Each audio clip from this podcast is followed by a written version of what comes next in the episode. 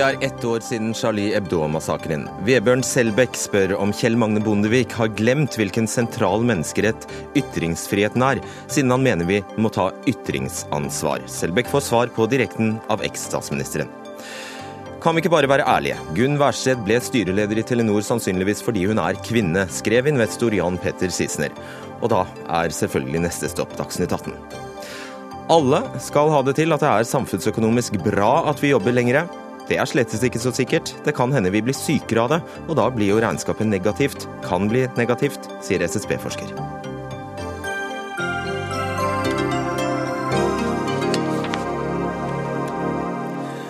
Og i løpet av eh, denne timen på P2 Alltid nyheter og NRK2 står også børsras og tiltak mot mobbing på menyen. Dagsnytt 18 serveres av Fredrik Solvang. Det startet som en helt vanlig dag og endte i et fryktelig blodbad. 7.1 i fjor angrep væpnede og maskerte menn lokalene til satiremagasinet Charlie Hebdo. Ni redaksjonsmedarbeidere, to politimenn og en renholdsarbeider ble drept. To av terroristene kom seg unna, og 90 000 politimenn jaktet på, det, på dem i timene og dagene etter angrepet. Og på sosiale medier spredde så en støtteerklæring seg. Je suis Charlie 'Jeg er Charlie', skrev folk. Tore Tolsrud er europakorrespondent for NRK. Politiet skjøt og drepte en mann som prøvde å ta seg inn på en politistasjon i Paris i dag. Fortell hva som skjedde. Der var det bare piping, ikke Tore Tollersrud. Da går vi til eh, Frankrike-ekspert Raino Malnes. Du er professor i statsvitenskap ved Universitetet i Oslo.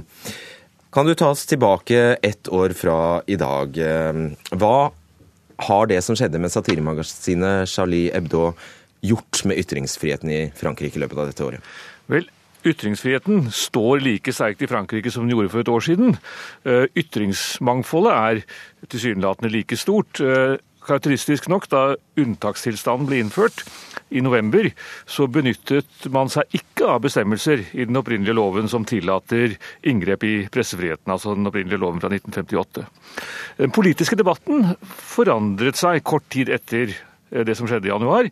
Det var en sånn sjelden tverrpolitisk eh, eh, enighet, men den ble fort normal igjen. Har disse, du, du, sier normale, men hvilken valør har, har, har valøren av disse debattene endret seg? Det jeg tror den store endringen kom etter 13.11. Da skjedde noe, for da fikk trygghetstematikken, altså spørsmålet om sikkerhet, en mye høyere plass på dagsordenen også på venstresiden, også hos sosialistene. Eh, sentrale sosialister begynte å snakke med samme språk og foreslå samme slags tiltak som, som man tidligere bare hadde eh, fått forslag på fra høyresiden. Altså sågar ytterste høyre. Og det gjelder jo især eh, president Hollande. Da skjedde det noe, men det kom altså først etter 13.11. Men det er vel ikke slik at franske magasiner eller aviser til daglig trykker karikaturer, regner jeg med? Nei, men det gjorde de ikke tidligere heller. Og eh, satirene i Charlie Hebdo er jo ikke De Det er ikke blitt mer de er ikke blitt mildere i løpet av året som har gått. Mm. Så eh, der har ikke forandringen kommet. Men som sagt, altså den politiske debatten den var en kort periode preget av en sånn tverrpolitisk følelse av fellesskap. Den ble fort normal igjen. Men nå er den politiske debatten i hvert fall, eller tyngdepunktet, kan vi si, tematikken, flyttet mot Høyre. Det er klart. altså Økonomi er fortsatt viktig for sosialistene, men trygghet er nå for presidenten like viktig som økonomi, og det er nytt. Og hva slags, kan du, Er det mulig å si noe kort rundt hvilke sikkerhetstiltak, drastiske som du kaller dem, som er her på trappene? Vel, altså det, det som nå debatteres, og som presidenten har foreslått, er at man skal frata de som blir dømt for alvorlige angrep mot staten, frata dem fransk statsborgerskap hvis de har dobbelt statsborgerskap. Eh, og Det er et tiltak som har vært foreslått tidligere fra eh, ytterste høyrefløy, og da har sosialistene alle som en avvist det kontant. Og Det at eh, presidenten nå foreslår noe sånt, det er ganske oppsiktsvekkende. Det skaper stor strid i hans eget parti, og det skaper stor strid på venstresiden. Det kan nok gi ham en kortvarig popularitetsgevinst, men det er en veldig farlig strategi med tanke på at man skal samle venstrepartiene rundt Hollands kandidatur i valget i 2017. For nå blir det enda verre å få til samarbeid f.eks. med De grønne. Vi takker deg, Rano Malnes, for at du eh, var med oss eh, i dag. Og nå prøver vi oss igjen på deg, Tore, Tore Tollersrud. Du er i eh, Paris. Det har altså vært en ganske dramatisk episode i Paris. Kan du fortelle hva som skjedde? Ja, Det var i tolvtiden i dag at en mann utstyrt med kniv og noe som så ut som et bombebelte nærmet seg en politistasjon nord i Paris. Ropte Alo Akbar, løp mot politimennene, og politimennene svarte med ild, og han ble drept på stedet. Så har det kommet fram senere i ettermiddag at denne mannen bar med seg noen papirer med noen IS-symboler, også en slags ansvarserklæring på arabisk. Og Dermed så har politiet her åpnet en, en terrorsak. Den blir altså etterforsket som en, som en, mulig, som en mulig terrorsak. Og dette selv setter selvfølgelig en støkk i allerede eh, parisere som allerede er på alerten, vel? Ja, jeg husker at Vi var oppe i dette området tidligere i dag, og det var en spent stemning. Mye folk hadde samlet seg. Eh, og Det er jo ironisk at dette er akkurat da på årsdagen etter Ebdo-attentatet. Eh, og eh, Det kom jo også da bare noen få minutter etter at president Hollande hadde snakket nettopp til politistyrkene i Frankrike også varslet at, eh, at, det skal bli 5000 flere politifolk i Frankrike. Har det vært noen massemønstringer i forbindelse med årsdagen i dag? Nei, det har det ikke. Det skal være på førstkommende søndag eh, på Place de la Republikk, eh, der det har vært mange massemønstringer tidligere i bakkant av terroraksjoner. Særlig da for ett år siden, der det var svært mange her. Jeg står på Plass de la Republikk nå, der det er mye som skjer, og uh, der altså pariserne nå igjen mobiliserer. President Hollande skal være til stede, og det skal også være musikk. Og jeg er rimelig sikker på at uh, politi og sikkerhetsstyrker vil være på tå hev den dagen også. Takk skal du ha, Tore Tollersrud i Paris. På 1990-tallet tok Kjell Magne Bondevik imot Salman Rushdie på sitt statsministerkontor. Og han var en fremtredende medlem i Rushdie-komiteen som jobbet for å fremme eller hjelpe forfatteren med, eh, som da hadde en blasfemifatwa hengende over seg. Men de siste årene eh, ser Kjell Magne Bondevik ut til å ha gjort helomvending i synet på forholdet mellom ytringsfrihet og såkalte krenkelser. Det er du som skriver dette i din uh, nye bok 'Fryktens makt', redaktør i Dagen Magasinet, Vebjørn Selbekk. Dette må du forklare. Ja, eller bare Dagen, som det heter nå. For å ja, det, det er vanskelig å henge med. Ingen, ingen, fare, du. Nei, altså Det som gjør at jeg er spesielt eh, skuffa over Bondevik, det er jo at han var en Charlie lenge før det begrepet ble oppfunnet. Under uh, Rushdie-striden så var jo uh, han en fremtredende medlem i Rushdie-komiteen, og faktisk også som både stortingspolitiker og statsminister, så tok han jo store politiske kostnader ved å være en av de første vestlige statsministeren som møtte Salman Rushdie, tok han imot på sitt eh, kontor. Men så må det ha skjedd et eller annet rundt 2000-tallet, eh, da han gikk av som aktiv politiker og begynte med fredssenteret sitt. der plutselig religiøse ytringer fikk forkjørsrett foran eh, ytringsfriheten. Det skuffer meg. Hva har han sagt eller gjort? Nei, han, jo, han, var jo en av de sterkeste kritikerne under karikaturstriden og mente at uh, dette Kritikerne av deg? Ja, av meg og av andre som trykka uh, disse tegningene. Senere, når det har vært uro rundt uh, rundt påståtte krenkelser, så har han jo også gått ut og, og, sagt at ytringsfriheten er viktig, men man skal ikke bruke den til å komme med ytringer som provoserer andre. Det var jo akkurat det Salman Rushdie gjorde. Eh, hans eh, eh, bok 'Sataniske vers' ble jo oppfatta som en krenkelse av en milliard mennesker. Det var opptøyer og bråk og, og leven. Og da sto Bondevik fram som en bauta, og jeg er lei meg for at vi har mista han i den viktige kampen for ytringsfriheten. Og da skal Ikke det at jeg tror at vi har veldig mange av dem, men for yngre lyttere så skal jeg bare opplyse om at det var pressestyret i Iran som i 1988 da utstedte en såkalt fatwa, en dødsdom, som skulle gjelde i hele verden for mot Salman Rushdie. Riktig, ja. Eh, jeg, skal, eh, ja, da skal vi ha med oss eh, tidligere statsminister og nå leder for Oslo-senteret for fred og menneskerettigheter. Denne kritikken, nå vet jeg ikke hvor mye du fikk med deg av det Selbekk sa, Bondevik, men den tør være nokså kjent for deg. Hvordan reagerer du på at du blir beskyldt for å ha gjort helomvending her? Nei, Det er en helt meningsløs kritikk og påstand.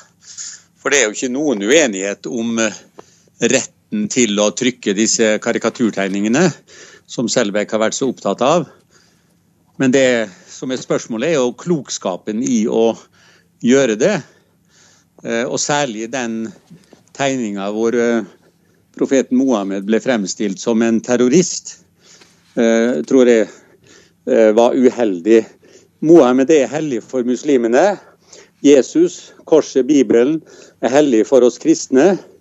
Andre har selvsagt frihet til å håne det som er hellig for oss. Men jeg vil anbefale andre å avstå fra det. En ytringsfrihet er ingen plikt til å trykke hva som helst. Hvorfor ga du ikke tilsvarende råd til Salman Rushdie i sin tid, da? Jeg ble jo aldri involvert i debatten om det uh, han ville skrive.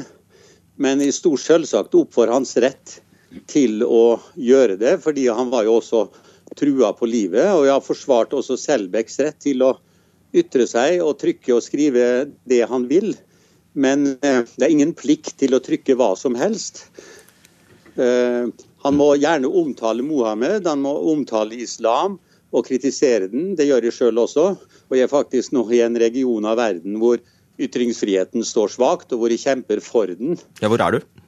Ja, Nå er jeg i Georgia. Ja. Eh, og dette er et relativt demokratisk land, men det er jo land rundt her hvor ytringsfriheten har eh, dårlige kår. Ytringsfriheten betyr ikke noen plikt til å trykke hva som helst. Mm. Og jeg mener at eh, spesielt den ene karikaturen av Mohammed var uklokt å trykke. Ja. Men eh, Bondevik, eh, eh, muslimer rundt omkring i verden opplevde jo eh, Salman Rushdie, som snakker om å omtale Muhammed med respekt og alt dette her, de, de oppfatta jo eh, omtalen av profeten Muhammed i Salman Rushdies bok minst like krenkende som man opplever eh, Muhammed-karikaturene.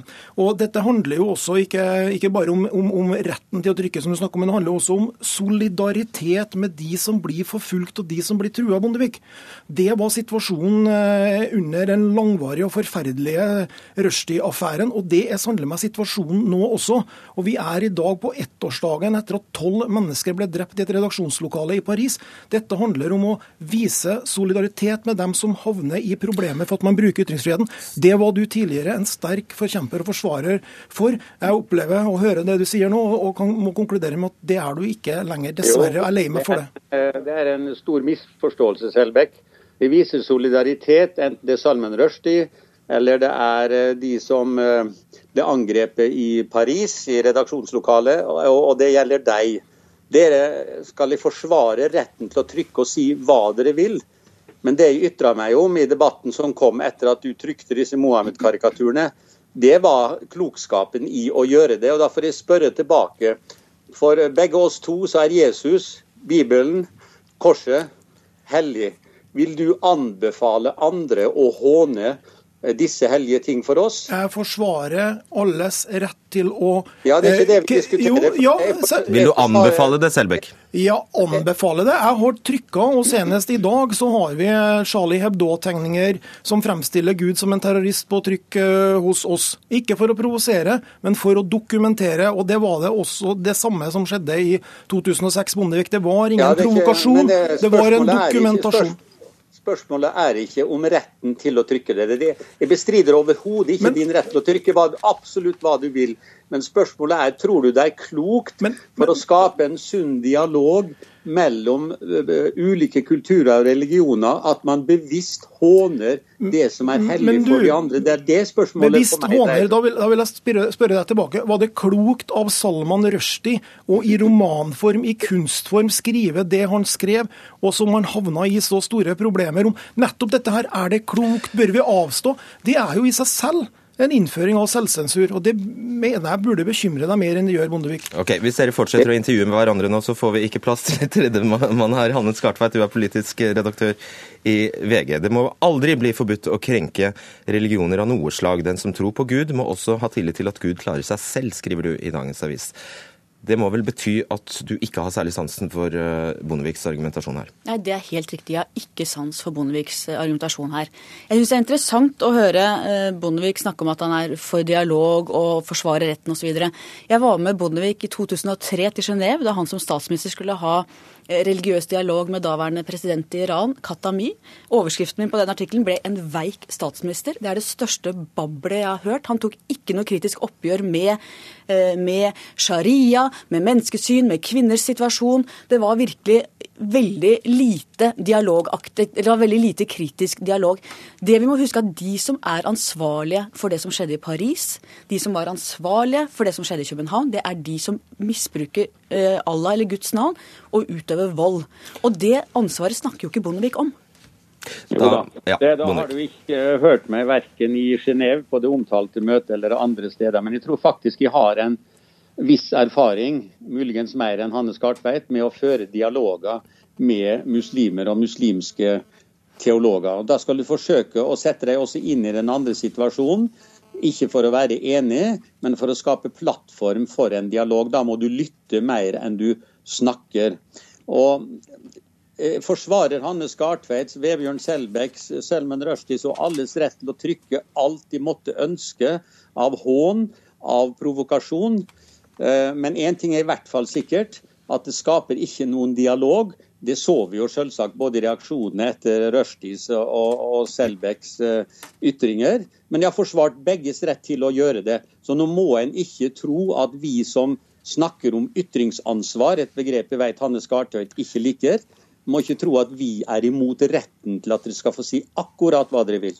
Du steiler av dette uttrykket ytringsansvar, Hanne Skartøyt. Ja, alle har rett til å føle seg krenket. Alle har rett til å være lei seg. Men det er også en grunnleggende rett til å si hva man vil, og også til å krenke. Også De som da blir krenka, de får eh, be om trøst og forsøke trøst hos hverandre. Men, det, men vi er nødt men, til å ha det rommet hvor vi også kan krenke og håne. Så er det ikke folkeskikk. Vi skal følge folkeskikk, men ikke fordi vi er truet til vold. Selv, selv, også dere i VG, hver eneste dag utviser jo dere og utøver dere ytringsansvar. Ting dere ikke setter på trykk av hensyn til enkeltpersoner, institusjoner, av hensyn. Det, det er ytringsansvar. Hver eneste dag praktiserer du dette. Vi praktiserer presseetikk, og vi lar jo ikke være fordi vi er redd for vold. Vi lar jo ikke være fordi vi er redd for at noen skal skyte oss. Vi gjør det ikke for å unngå vold. Vi gjør det fordi det er folkeskikk og anstendighet og presseetikk. Det er noe helt annet. Det er i det de som utøver vold, får viljen sin fordi man blir redd for volden. Det er da vi har et problem. Ja, men dette er vi jo helt enige om. fordi at eh, For det første fordømmer jo alle som både truer og bruker vold for å hindre ytringer. Det er ikke det uenigheten står om i det hele tatt. Men for meg er det slik at vi har et visst ansvar for hvordan vi oppfører oss mot hverandre, også i det offentlige rom. Og det å ytre og det å trykke er en del av hvordan vi oppfører oss mot hverandre. Vi har frihet til å oppføre oss så dårlig vi bare vil, men jeg vil ikke anbefale det å gjøre det. Nettopp, og, se, ja, og da må jeg bare spørre deg, Selbekk, altså, Du sier jo ikke alt du tenker på. Det er vel egentlig i bunn og grunn det vi, det vi, snakker her om, at man må være av og til, så er det mest fornuftig og, og smartest å være påholden.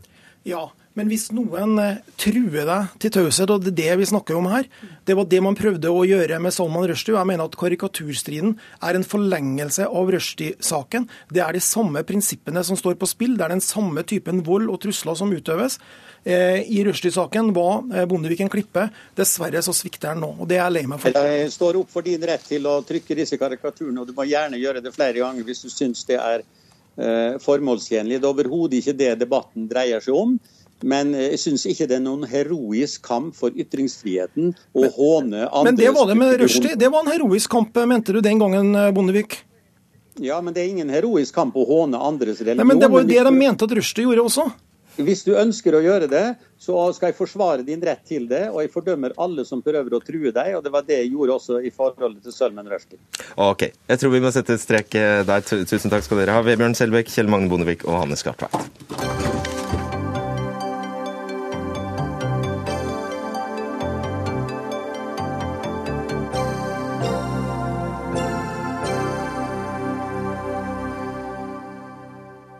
En kvinne skal på død og liv trumfe ethvert menneske med hår på brystet.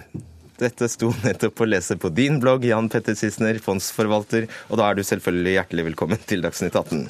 Dette skrev du i forbindelse med utnevningen av Telenors nye styreleder, som jo er kvinne. Hva er det du mener? Eh, det er mye rart jeg mener, men i denne sammenheng så er det slik at jeg er jo da, som du sa, en fondsforvalter og en investor vi som investorer er nødt til å ha 100% tillit til at den som utnevnes til styreleder, er den best kvalifiserte personen. Og det gjelder uansett uh, bransje, noe som helst. Etter at Brekke ble utnevnt som daglig leder i Telenor, så var det et enormt hylekår om at uh, nå, med Elisabeth Grieg bl.a. i spissen, om at nå måtte man, eh, hadde man gitt glipp på en mulighet til å ansette en kvinne som daglig leder. Og du er for øvrig sikker på at han er som best kvalifisert? Eh, Brekke, altså på den måten, Telenor er nå et veldig sårbart selskap som savner tillit i markedet. Det var et sidespor. Nei, da, du skal, du skal få, jeg skal svare deg på det. Vi har fire av konsernledelsen som er suspendert pga. korrupsjonsgransking. Vi har en administrerende som ikke husker hvilke eksamener han har tatt, og lyver seg fra skanse til skanse. Det er åpenbart at her trenger vi en sterk leder, og vi trenger en som har, mener jeg, fagkompetanse. Og Hvordan kan du da vite at Gunn Wærsted ikke er den kvinnen? Det kan jeg ikke vite. Jeg har stor respekt for Gunn som bankmenneske. Det jeg derimot vet ut fra hennes CV, er at hun har ingen kompetanse verken innenfor teknologibedrifter, telekom eller kan du si, store internasjonale konsern. Og da blir det, det skaper en usikkerhet. Det spiller ingen rolle om den usikkerheten er 1% eller 99 men det skaper en ekstra usikkerhet på om hun er valgt fordi hun er kvinne, eller fordi hun er valgt fordi hun var den best, beste kandidaten. Hva heller du mot? Jeg tror det er en blanding. Hun er helt klart I et oppegående Telenor så er det ingen tvil om at Gunn hadde vært en uh, sterk kandidat. Men kanskje ikke akkurat nå i den situasjonen Telenor befinner seg i. Og Da tror jeg at Hylekoret, som jeg kaller dem, har fått gjennomslag for sine krasse bemerkninger i forbindelse med utnevnelsen av Brekke. Trine Larsen, du er hodejeger og leder for konsulent for firmaet Hammer og Hanborg. Tror du kjønn var avgjørende når det skulle velges ny styreleder i Telenor? Der er jeg faktisk litt enig med deg, Sissener. At uh, både og, ja. Men jeg må opplyse deg om noen ting, Sissener. Mm -hmm. Og det er at uh, det med å vektlegge telekomerfaring uh, Telekom har endret seg radikalt de siste 20 årene. Bank og finans er i dag mer og mer et telekomselskap med en banklisens. Eh, det er den veien bank går inn i. Eh, jeg er eh, veldig overbevist om at Gunn er en meget kvalifisert kvinne, og er en rett kvinne til rett jobb nå. Telenor er i en situasjon, som du sier, meget sårbar situasjon, og trenger en styreleder med de kvalifikasjonene Gunn har. La oss ta det som ligger under her i Sisners, uh, Sisners resonnement, nemlig det at uh, kvinner får sær, særbehandling og rett og slett blir kvotert inn også til slike, slike verv. Nå er det slik E24 gjorde i går en oversikt over statseide selskaper i Norge. 6 er det vel som har kvinnelige ledere. Så det å hevde at kvinner blir kvotert inn, da er man, for å si det mildt, litt på jordet. Men at det kan ha skjedd her? Det er sterke signaler fra eierne om at man ønsker mangfold. Vi kommer igjen tilbake til det som jeg prøver å få fram i denne debatten her. Hvem er det som definerer hvem som er best? Ikke sant? Og det er det som er hele problemstillingen i all rekrutteringen. Jeg må si det slik, når du, når du ser på oversikten til E24 over statseide selskaper, så er det da en stor overvekt. Nærmere 80% av selskapene ledes av menn mellom 50 og 60 år, hvite fra et lite demokratisk område i Norge, dvs. Si Oslo 3. Hvis man tror virkelig det, at vettet er fordelt på den lille gruppen, eh, så er man litt ute å kjøre. Kanskje interessen er fordelt? Ja, men jeg tror liksom at, eh, at vettet er jo jevnt fordelt. og da, ikke sant, Hvem er best her? Og sånn, det her blir jo, eh, og det er helt klart at det er viktig at det er et hylekor som, som påpeker den uretten som begås i samfunnet på dette. fordi at det blir jo ikke best kandidat hvis det er menn som kvoterer inn menn. Og Sissener, Det er vel et poeng at det jo i årevis må ha vært sånn at det er menn som har fått særbehandling i rekrutteringsprosesser, i og med at statistikken ser sånn ut? Nå tror jeg vi kan diskutere lenge dette med tilgjengelighet og interesser. Det er også, Jeg tror det er hevet over enhver tvil at vi i, si på 80-90-tallet, til dels også kanskje i begynnelsen av 2000-tallet, hadde en, kall det gutteklubben Grei, som likte å prioritere sine meningsfeller og ja-mennesker. Den gjengen er stort sett gått ut på dato og det er bare noen få etterlevninger igjen. Den oppvoksende generasjon, de som i dag er 40-50, og jeg vil til og med si meg på 60, vi har et helt annet syn på kvinner som likeverdige partnere. Og Det gjør da at jeg er ikke redd for at ikke de kvinnene som er dyktige nok, skal komme i de posisjonene de fortjener. Det er jeg helt sikker på at de gjør. Og spesielt Men uten kvotering, slik Uten kvotering. Øh, og ut, si på ellers like vilkår, lik kompetanse. Gjerne velg en kvinne. Men ikke vær, det, ikke vær slik at vi skal være usikre på om det er den beste kandidaten som er valgt. Og det er jo kjempeviktig, ikke minst i en fremskutt øh, posisjon som styreleder i et av landets største selskaper, øh, Larsen? Ja, men vi er i en situasjon hvor realiteten er slik den er. Jeg er også prinsipielt imot kvotering på bakgrunn av kjønn. Men når resultatet er slik det er, så ser jeg ingen annen utvei. Men hva mener du da med kvotering? Skal man velge den nest beste kandidaten fordi hun er kvinne? Nei, men jeg tror man skal Radikal eller moderat kvotering? jeg tror man må se med nye øyne på rekrutteringen som er eh, blitt gjennomført. Og jeg synes man skal du, du, refererer jo til at hun ikke har at ikke Gunn har telekomerfaring. Eh, la oss se på Rune Bjerke. Ja. Hadde han noe bankerfaring? Nei, det stilles aldri slike tvil til de mannlige kandidatene. Dette her gjentar seg og gjentar seg hver gang det er en kvinne. Så du er jo med på den derre motsatte hylekoret. Ikke sant? Det, det, stilles alltid eh, disse eh, tvilene rundt kvinnekompetanse som man ikke gjør med menn. Du ser det også med Henriksen i Vinmonopolet. Han hadde jo ikke noe erfaring fra den sektoren, han heller. Har gjort det kjempebra. Det er dyktige menn som leder flotte bedrifter. Eh, hvorfor skal det alltid stilles liksom kvinnelige kvalifikasjoner i tvil? Fordi man kvoterer dem. Hvis man ikke hadde hatt kvotering i systemet, så hadde det aldri vært reist spørsmål, ikke den minste tvil, om at nå hadde man valgt den beste kandidaten. Men det er ingen som har uttalt her at Gunn Wærsted har blitt gjenstand for kvotering? Nei, overhodet ikke. Men man sitter jo igjen med den lille usikkerheten. det sier den være seg 1 eller 99% på at det faktum at hun er kvinne, kan ha hatt en avgjørende betydning. Og ikke nødvendigvis, som jeg var inne på i sted, Telenor som selskap er ekstremt sårbart. Jeg er 100 enig. Jeg har til og med prøvd å rekruttere Gunn denne gang.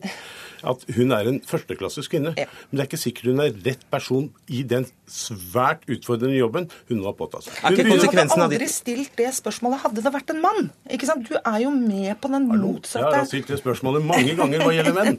Men ikke i den situasjonen vi er i der nå. Og det er det jeg mener, ble vel ikke stilt de, de kvalifikasjonstvilene til Rune Bjerke eller noen andre som, som har gjort det kjempesuksess. Se på hva Gunn Verstad har levert. Ja. Siste, siste, spørsmål til deg. Er du i det hele tatt bekymret over at det er så få kvinner i eh, topplederstillinger i næringslivet? Jeg skulle ønske at det var flere. Jeg har i hvert fall innenfor finanssektoren gjort mitt for å prøve å rekruttere flere i mange år. Men eh, jeg tror man skal ha i bakhodet også at det er kanskje ikke like mange kvinner som ønsker disse toppstillingene, som ønsker menn. Og det vet jo du noe om, helt veldig kort. Om, finnes de? Selvsagt finnes de. Så det du sier der, det er regelrett tøv. Eh, sant? det, det, er tull. Eh, vi, det finnes nok av kvalifiserte kvinner, og det finnes nok av kvinner som vil. Og det finnes dyktige kvinner som kan levere her. Jeg sa altså. ikke nok, jeg sa at finnes det like mange. Og det er jeg litt usikker på. Og selvfølgelig har vi spurt Gunn Wærsted, den mye omtalte, om hun ville være med i kveld. Det ønsket hun ikke, og det skjønner henne. Takk skal dere ha, Trine Larsen og Jan Petter Sissener. Takk.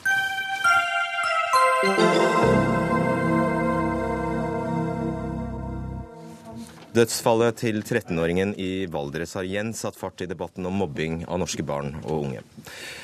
Kunnskapsminister Torbjørn Røe Isaksen mener at mobberne i, stadig, i større grad må bytte skole, ifølge Dagsavisen. I dag er det vanligste at mobbeofre blir rådet til å skifte miljø. Kristin Odmeier, du er fagansvarlig i Unicef Norge, og du har skrevet mye om temaet mobbing og inkludering. Du er uenig med kunnskapsministeren her, og synes ikke det er en god idé at det er mobberne som skal bytte skole? Nei, vi i Unicef Norge vi mener at flytting av barn i saker som omhandler mobbing, det er feil.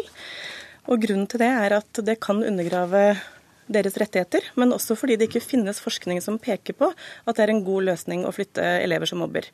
Og Dette har vi også uttalt at vi er kritisk til tidligere, og vi begrunner det på samme måte som Djupedalsutvalget, som helt tydelig ikke har foreslått dette som et av sine tiltak, eh, med at altså, det ikke er eh, grunn for å si at det vil ha effekt. Og så vil jeg også bare føye til at vi også på prinsipielt grunnlag er uenig i at barn skal straffes for sin atferd, for sånn vil det kunne oppleves. Vi mener at fokus må være på å hjelpe og støtte barn til å slutte å mobbe. Et klapp på skuldra hvis du mobber? Nei, overhodet ikke. Men de er nødt til å få hjelp til å finne andre strategier til å håndtere de sosiale kontekstene. Ok, Torbjørn Røe Isaksen, kunnskapsminister fra Høyre. Hvorfor er det riktig å flytte mobberne i stedet for mobbeofrene? For det første så er det sånn at dette vil aldri være den viktigste løsningen. Dette vil heller aldri være den vanligste løsningen. Og det er veldig mye annet som jeg er sikker på vi får tid til å snakke om senere, som er mye viktigere for å bekjempe mobbing. Eh, mitt poeng har vært at skolene må vurdere å bruke den muligheten de har til å pålegge en som mobber å bytte skole, oftere enn i dag. Grunnen til det er rett og slett fordi at hvis alt settes på spissen, og det har de jo gjort da, og hvis ingenting annet har fungert, og noen ender opp med at eh, de skal bytte skole, så syns jeg det er så hjerteskjærende urettferdig at det skal være den som har blitt mobbet. At det skal være de pårørende som har hatt barnet sitt på skolen, som har blitt mobbet og trakassert hver dag i kanskje månedsvis eller årevis, at de skal måtte flytte, føle seg presset til det. Det og Det er derfor jeg mener at vi skal bruke dette på en klok måte. Det skal være skikkelige regler rundt det. Det er det. Det er en ganske omstendelig prosess også for skolen. Men det mener jeg at flere skoler burde vurdere i alvorlige mobbesaker hvor ingenting annet fungerer. Rettferdighetsaspektet er det vel de færreste som vil være uenig med Røe Isaksen om? Nei, altså Vi mener at premisset i, i, bunn og grunn er feil. At vi diskuterer at noen i det hele tatt må flytte. For det er jo sånn at Ved å peke på at det er nødvendig å flytte barn, uansett hvilke side de står på, så lar man barna betale prisen for at voksne ikke har gjort jobben sin. Og Det er rett og slett fullstendig uakseptabelt, sett med våre øyne. Gi eksempler på det. Da skjønner jeg ikke Gi eksempler på hvilke tiltak man skulle Hvis du tvinger barna til å være i samme klasse og samme skolebarn, mobber og mobbeoffer. Det er mange gode eksempler på skoler som klarer å løse alvorlige mobbesaker. Og Da er vi nødt til å se til de skolene og se hva de gjør som fungerer på sine skoler, og bruke de eksemplene. Men, men, men det er jeg helt enig i. Eh, og bare for å si det, I dag så er det sånn at dette sannsynligvis brukes veldig, veldig lite eh, rundt om på norske skoler. Men vi må ikke uh, bruke det mer? Ingen, nei, men det er ingen, og det er ingen som mener at vi kan Det er vel det er 20 000 eller 30 000 barn som oppgir at de blir mobbet i norsk skole. Vi løser ikke de sakene ved å flytte mobbere mobberen. Og i mange tilfeller så vil det være mange som mobber, ikke bare én. Ja, hva Mitt gjør poeng, du da? Skal du flytte ja, altså, en hel klasse? Da, da, er det helt andre ting. Altså det, men vi får masse tid til å diskutere de andre mobbetiltakene som er enda viktigere senere. Mitt poeng er at det er en mulighet i loven, det står svart på hvitt der, at man kan pålegge et barn å bytte skole. Det kan være f.eks. For, for å bryte opp et mobbemiljø. Det kan være fordi at vi vet, og jeg har møtt pårørende og jeg har møtt barn som selv har opplevd de grusomste mobbehistorier, som fortalte at det tok aldri slutt. Hvis det er sånn at siste utvei ikke er noe annet enn at noen må bytte skole, så mener jeg at man også skal bruke muligheten til å pålegge en som har mobbet, å bytte skole. Så er det ikke enkelt, og det er masse papirarbeid med det, men det er en mulighet man må vurdere å bruke oftere. Ja, så jeg fastholder det som jeg sa tidligere, at det betyr at voksne ikke har gjort jobben sin. Og hva mener du egentlig om det? Fordi det er mange eksempler på skoler som klarer å løse dette. Jo, er og er ikke det en fallitterklæring om resignasjon? Helt enig. Altså Hvis det er sånn at det, det, kommer til det at noen må bytte skole, så betyr det at noe har sviktet før. Men vi vet jo allikevel at selv om mange skoler jobber kjempebra, selv om veldig mange klarer å løse mobbesaker og gripe fatt i det når, de melder, melder, når noen melder fra, så er det også altfor mange tilfeller hvor det ikke blir løst. Og da er dette en av mulighetene som er viktig at skolen vet at det er i deres eh, portefølje å bruke. Ok, Trond Giske, du er nestleder i Arbeiderpartiet. Hvor står du her? Nei, Jeg er for at man skal kunne flytte mobberen. Det har vært lov i mange år. Eh, på tross av det så sendte Røe Isaksen et lovforslag til Stortinget i fjor for å vedta en gang til at det skal være lov. Og Det er jo derfor dette blir en debatt, for det er faktisk det eneste antimobbetiltaket Røe Isaksen har lansert på de to og et halvt årene han har vært eh, statsråd. og det er jo Det triste med dette er at mens vi krangler om dette, så går altså tusenvis av barn og gruer seg til å gå på skolen. Og eh, I realiteten kan dette med å flytte mobberen faktisk forsinke oppgjøret med mobbing, fordi at du kan regne med at foreldrene kommer til å protestere. Det blir bevisbyrde om dette har foregått, og så får man en forsinkelse. Vi vet mer enn nok om hvordan du avdekker, hvordan du stopper og forebygger mobbing på skolen.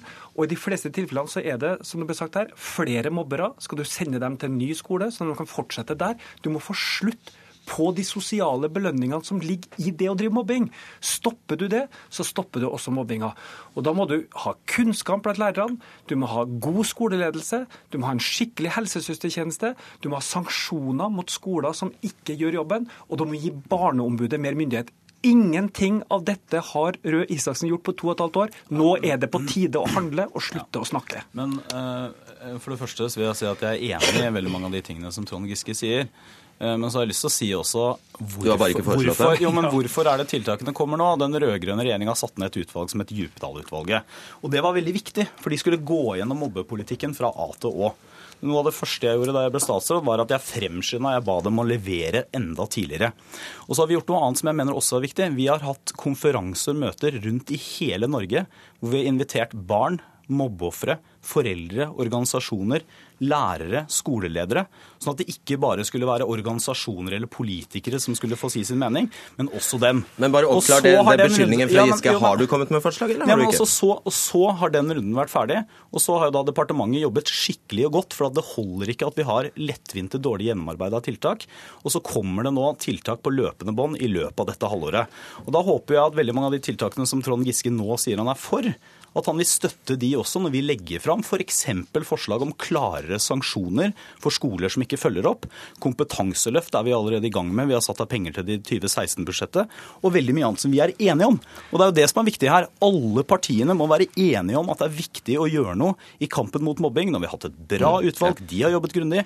Nå er det på tide med handling, og forslagene kommer. Jeg har sittet på Stortinget siden 1997. Den eneste gangen jeg har opplevd at en regjering har fremma et lovforslag hvor det står spesifikt at hele endringa ikke innebærer noen endring, det var da du la fram et lovforslag om dette med å flytte mobberen. Fordi det var allerede lov. Og er det, vet du hva jeg må si?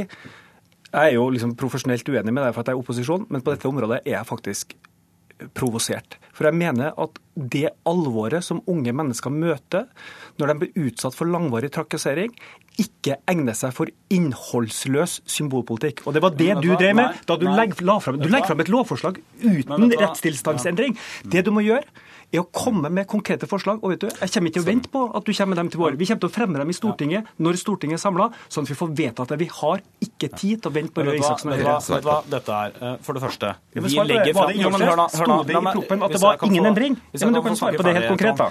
Jeg mener at det er for det er veldig viktig, og det er en viktig endring, at det nå står i lovteksten, ikke i et forarbeid, ikke langt bak, ikke i en forskrift, men det står direkte i loven at du kan pålegge en mobber å bytte skole. Men det var lov før? Ja, det var også lov før, men det var nok også en, grunn til, at, det var også en grunn til at Arbeiderpartiet stemte for det. Og det tror jeg var nettopp for at man så at det var et viktig signal ut i skolen. Nei, for, for vi ønsker for vi, Vær så snill da, Giske. La meg få snakke ferdig, ikke gjør dette til en sånn type debatt. Fordi at det er et viktig signal ut i skolen. Og så deler jeg den utålmodigheten som Trond Giske har. Men tross alt, når vi hadde et utvalg som de rød-grønne hadde satt ned, som vi til og med ba jobbe raskere, har brukt tid på å snakke med foreldre, barn, pårørende, og så bruker et halvt år på grundig arbeid i departementet, så mener jeg at det var verdt å ta den forankringsrunden, sånn at flere fikk eh, komme med sine innspill. Og så kommer det nå lovforslag, godt utreda, både for å styrke rettssikkerheten, kompetanseforslag, forslag om en enklere og bedre klagebehandling for foreldrene. Veldig mye av det som vi begge to er opptatt av. Men det er snart et år siden dette Djupedal-utvalget. Altså for det første så tenker jeg at når du kom til makta i 2013, hvis du bare hadde utvalgene vi hadde satt ned som basis for din politikk, så er jo det i utgangspunktet veldig svakt. Men det er snart et år siden Djupedal-utvalget kom. Barneombudet ber kan ikke vi få lov å behandle disse klagesakene. Vi har barnets beste i, i, i, i vår portefølje.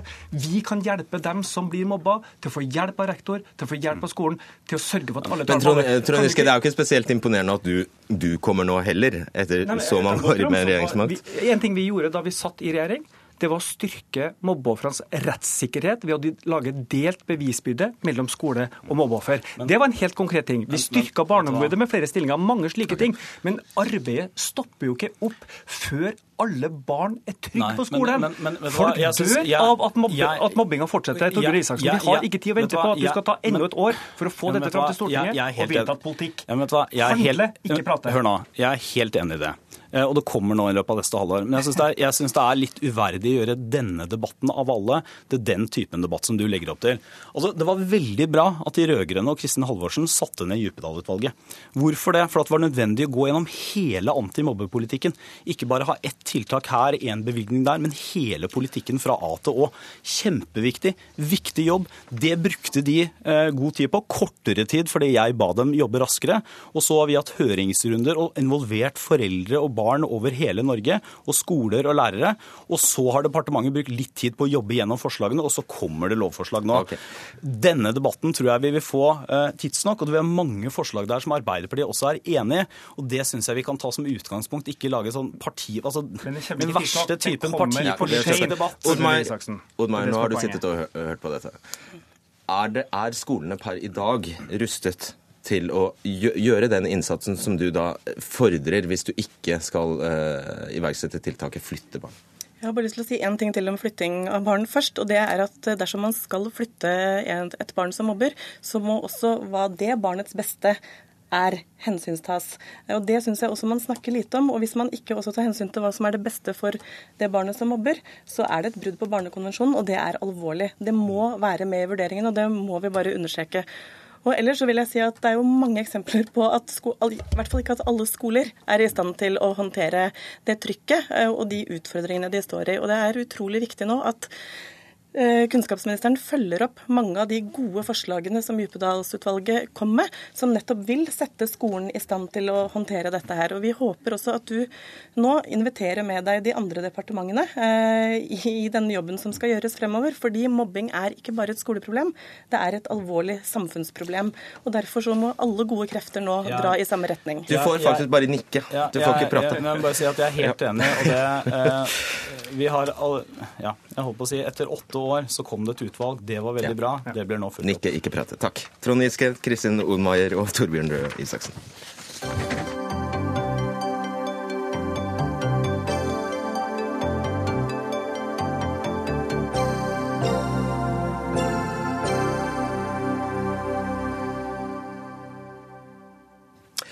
Det har vært en tung dag på verdens børser etter at aksjekursene falt over hele verden. Også Oslo Børs har fått merke nedgangen, der hovedindeksen sank med 2,8% Og En viktig årsak er at prisen på nordsjøolje nå koster 33 dollar fatet. Og dette er det laveste nivået siden 2004. Tina Saltvedt, senioroljeanalytiker i Nordea Markets.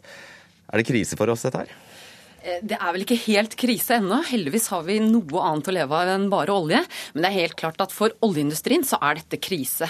Og oljeindustrien betyr jo veldig mye for Norge. Eh, de prisene vi ser nå, det er ikke veldig mange nye prosjekter som blir lønnsomme på de, på de tallene her.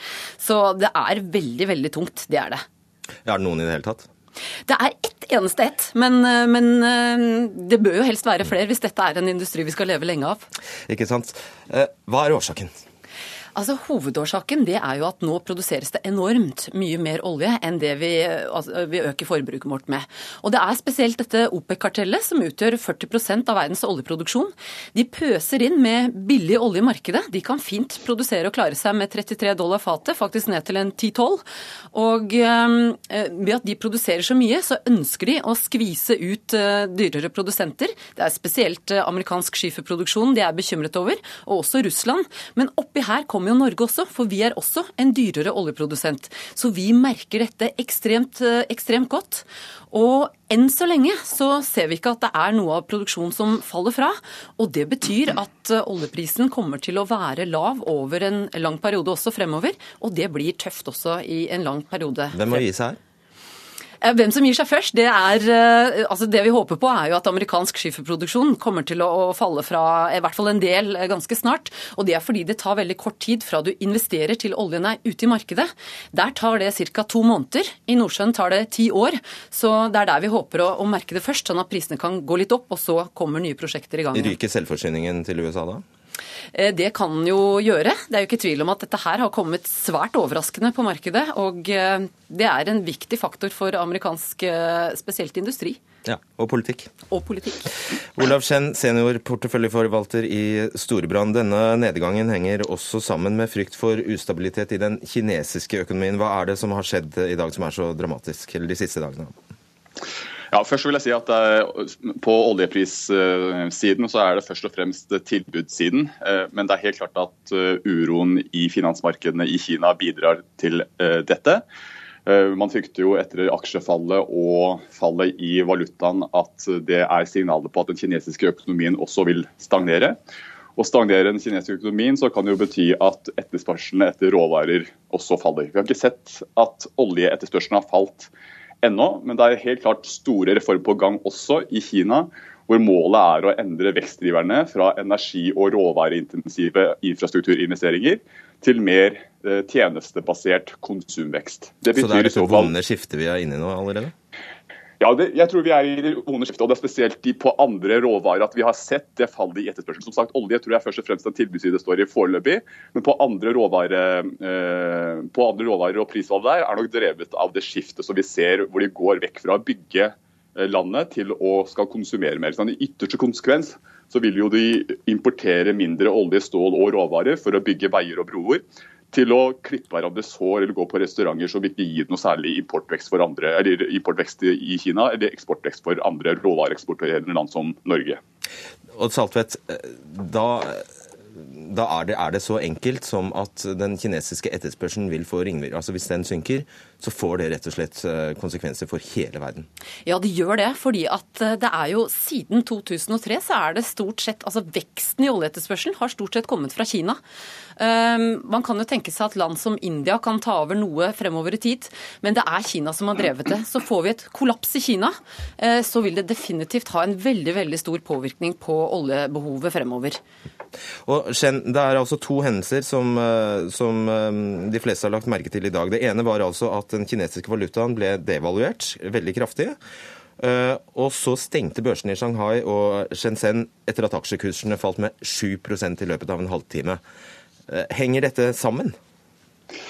Eh, på et vis eh, hvor fellesnevneren er at Kina ønsker å åpne sin kapitalbalanse, dvs. Si eh, finansmarkedene, overfor utlandet og la markedet styre dette mye mer. Dette ser vi spesielt for valutamarkedet, eller valutakursen, som til egentlig i fjor eh, høst har vært styrt og kontrollert opp mot dollaren. Og som de har fått Men, mye kritikk for? Som de fått mye kritikk for, og, og, og, spesielt med tanke på at de ønsker at uh, valutaen skal bli en verdensvaluta, så måtte de endre uh, måten uh, man handler i den valutaen på, bl.a. med krav fra, fra, IMF. Og Vi har sett at valutaen har fått større svingninger og uh, har svekket seg også pga. at man frykter at Kina går mot uh, en såkalt hard landing eller kollaps. Men det kan jo også være positivt fra et økonomisk ståsted. Uh, man prater om Norge og, og oljeprisfall og kronekursfall. Kronen har jo på mange måter dempet dette her. Så de som frykter at Kina går inn i en såkalt valutakrise og devaluerer, så er det jo egentlig det positivt for kinesiske eksportbedrifter og konkurranse evne. Så Det er jo litt eh, avhengig av øyet som ser, med tanke på hva, hvilken grad dette her vil påvirke. Eh, Saltvedt, Bloomberg News melder at bekymring for inflasjonen i USA, at den ikke skal nå tilstrekkelige nivåer, som det heter, har tillatt har tiltatt etter svakere utvikling i, Kina og svekket global vekst og stadig lavere oljepris. Betyr, er det oversatt, betyr det at arbeidsledigheten i USA stiger?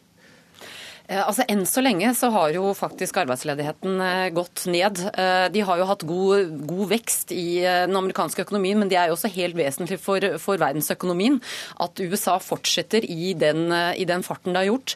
Nå så vi jo faktisk at de satte jo opp renta for første gang på veldig veldig lenge. Og det er jo på en måte et positivt tegn, i den grad at det går bra. De ville jo ikke gjort det hvis de var bekymret for veksten i USA. Så enn så lenge så ser det, ser det godt ut. Og så kom det en annen nyhet. og det, det var at Saudi-Arabias største oljeselskap skulle på børs. Har det noe, og det er enorme enorme verdier det er snakk om. Kjenner du noe til det? Nei, jeg har ikke egentlig sett det. Ehm, det er jo, som du sier, enorme verdier. Ehm, det er jo verdens eh, kanskje viktigste oljeprodusent. Altså Saudi-Arabia eh, står jo for mesteparten av eksporten av olje. Så, så det, er jo, det er jo i hvert fall noe som man vil følge med argusøyne, for det er ekstremt viktig. Ehm, og så er det jo spennende å se hvordan da utviklingen og behovet for olje blir fremover. Det er klart at det vil jo etter hvert eh, tydelig, tydeliggjøres mye mer mer hvis du får, eh, altså hvis du får en aksjekurs å følge, mm. Eh, og hvordan da markedet egentlig ser på utviklingen i oljemarkedet. Shen, er dette starten på en ny global krise? Jeg tror ikke det er starten på en ny global eh, krise, men jeg tror samtidig at det vi ser i Kina og deres ønske om å koble sitt, sine finansmarkeder opp mot resten av verden, kommer til å føre til større svingninger og volatilitet og usikkerhet. Eh, dette fordi at kommunikasjonsevnen og informasjonsflyten er sånn sett dårligere i Kina. og eh, også etter eget ønske. Slik at markedet som hater usikkerhet, vil hele tiden leve med en usikkerhet nå som kommer til å skape mye større svingninger fremover, og det vil påvirke alle verdens børser. Og Sandtvedt, Er det noe vi har skjønt nå, så er det at vi er prisgitt Kina. Vi er prisgitt Kina, så vi krysser fingrene for at det fortsatt vil gå bra. Vi gjør det. Takk skal dere ha, Olav Skjenn og Tina Saltvedt.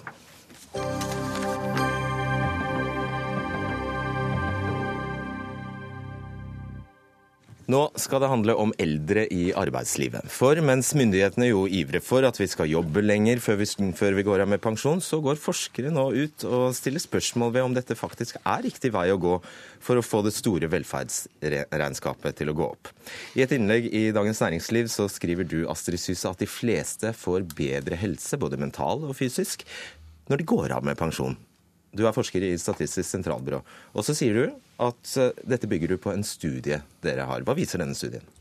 Eh, studien vår viser at, eh, studien vår viser at for majoriteten så er det helsefremmende å slutte å jobbe.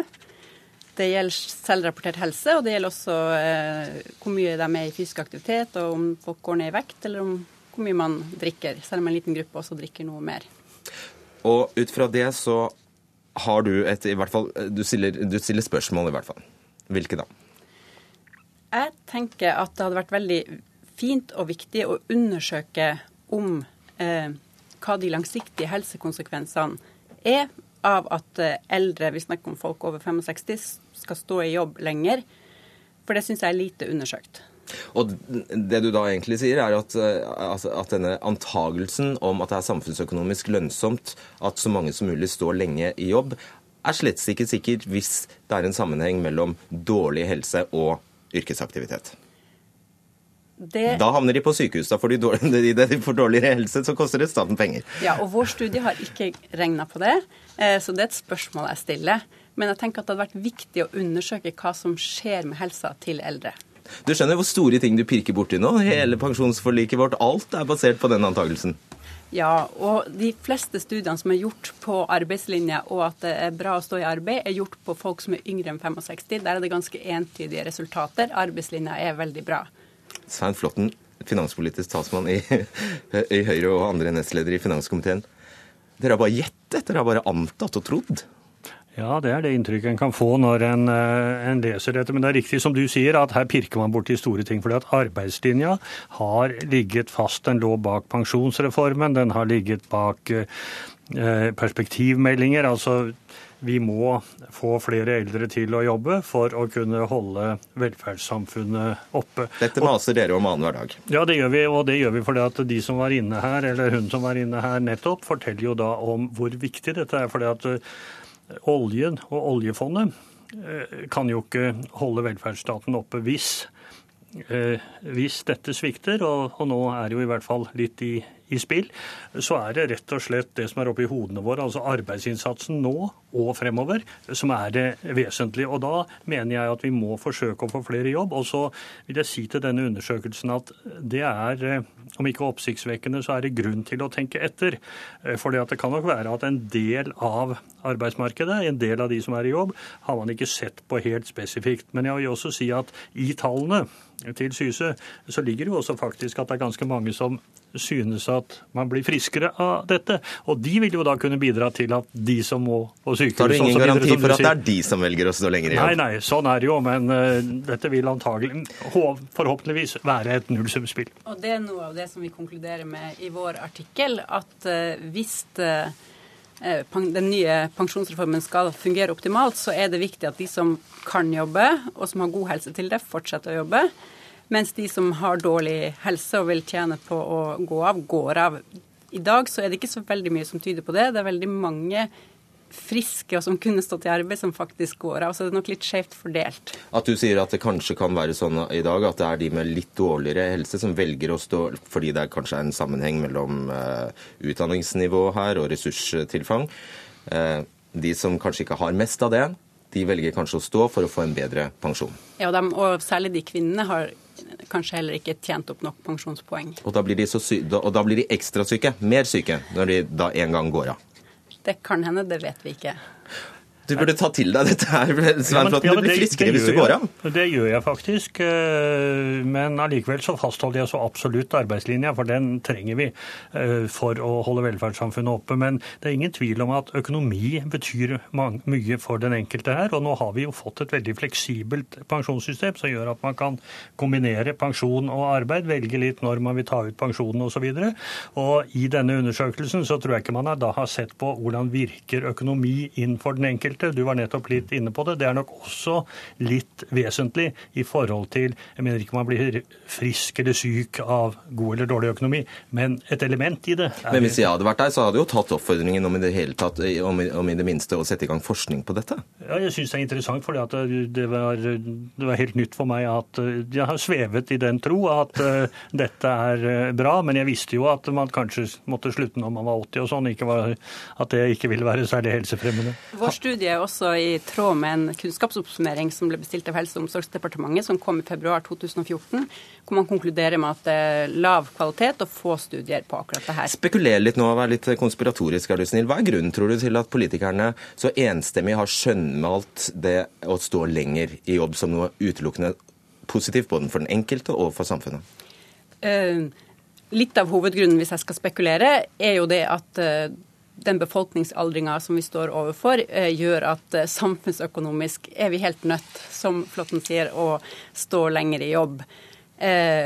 Mitt syn er kanskje da at man har sett litt lite på konsekvensene for individene, men har trukket konklusjoner fra at er det bra for samfunnet, så må vi alle gjøre en dugnadsinnsats og trø til å få det til å fungere. men men utover det så Er pensjonsreformen har den fungert så lenge nå at man kan begynne å se på tallene eh, hvem det, er, hvem det er hensiktsmessig går av tidlig eller går av sent? Ja, og vi har eh, prosjekt på gang på det. Og det vil særlig bli nyttig da å koble mot helse, andre helseregisterdata, sånn at man har gode data ikke bare på død og ikke selvrapporterte data, men på gode helseregisterdata. Mm.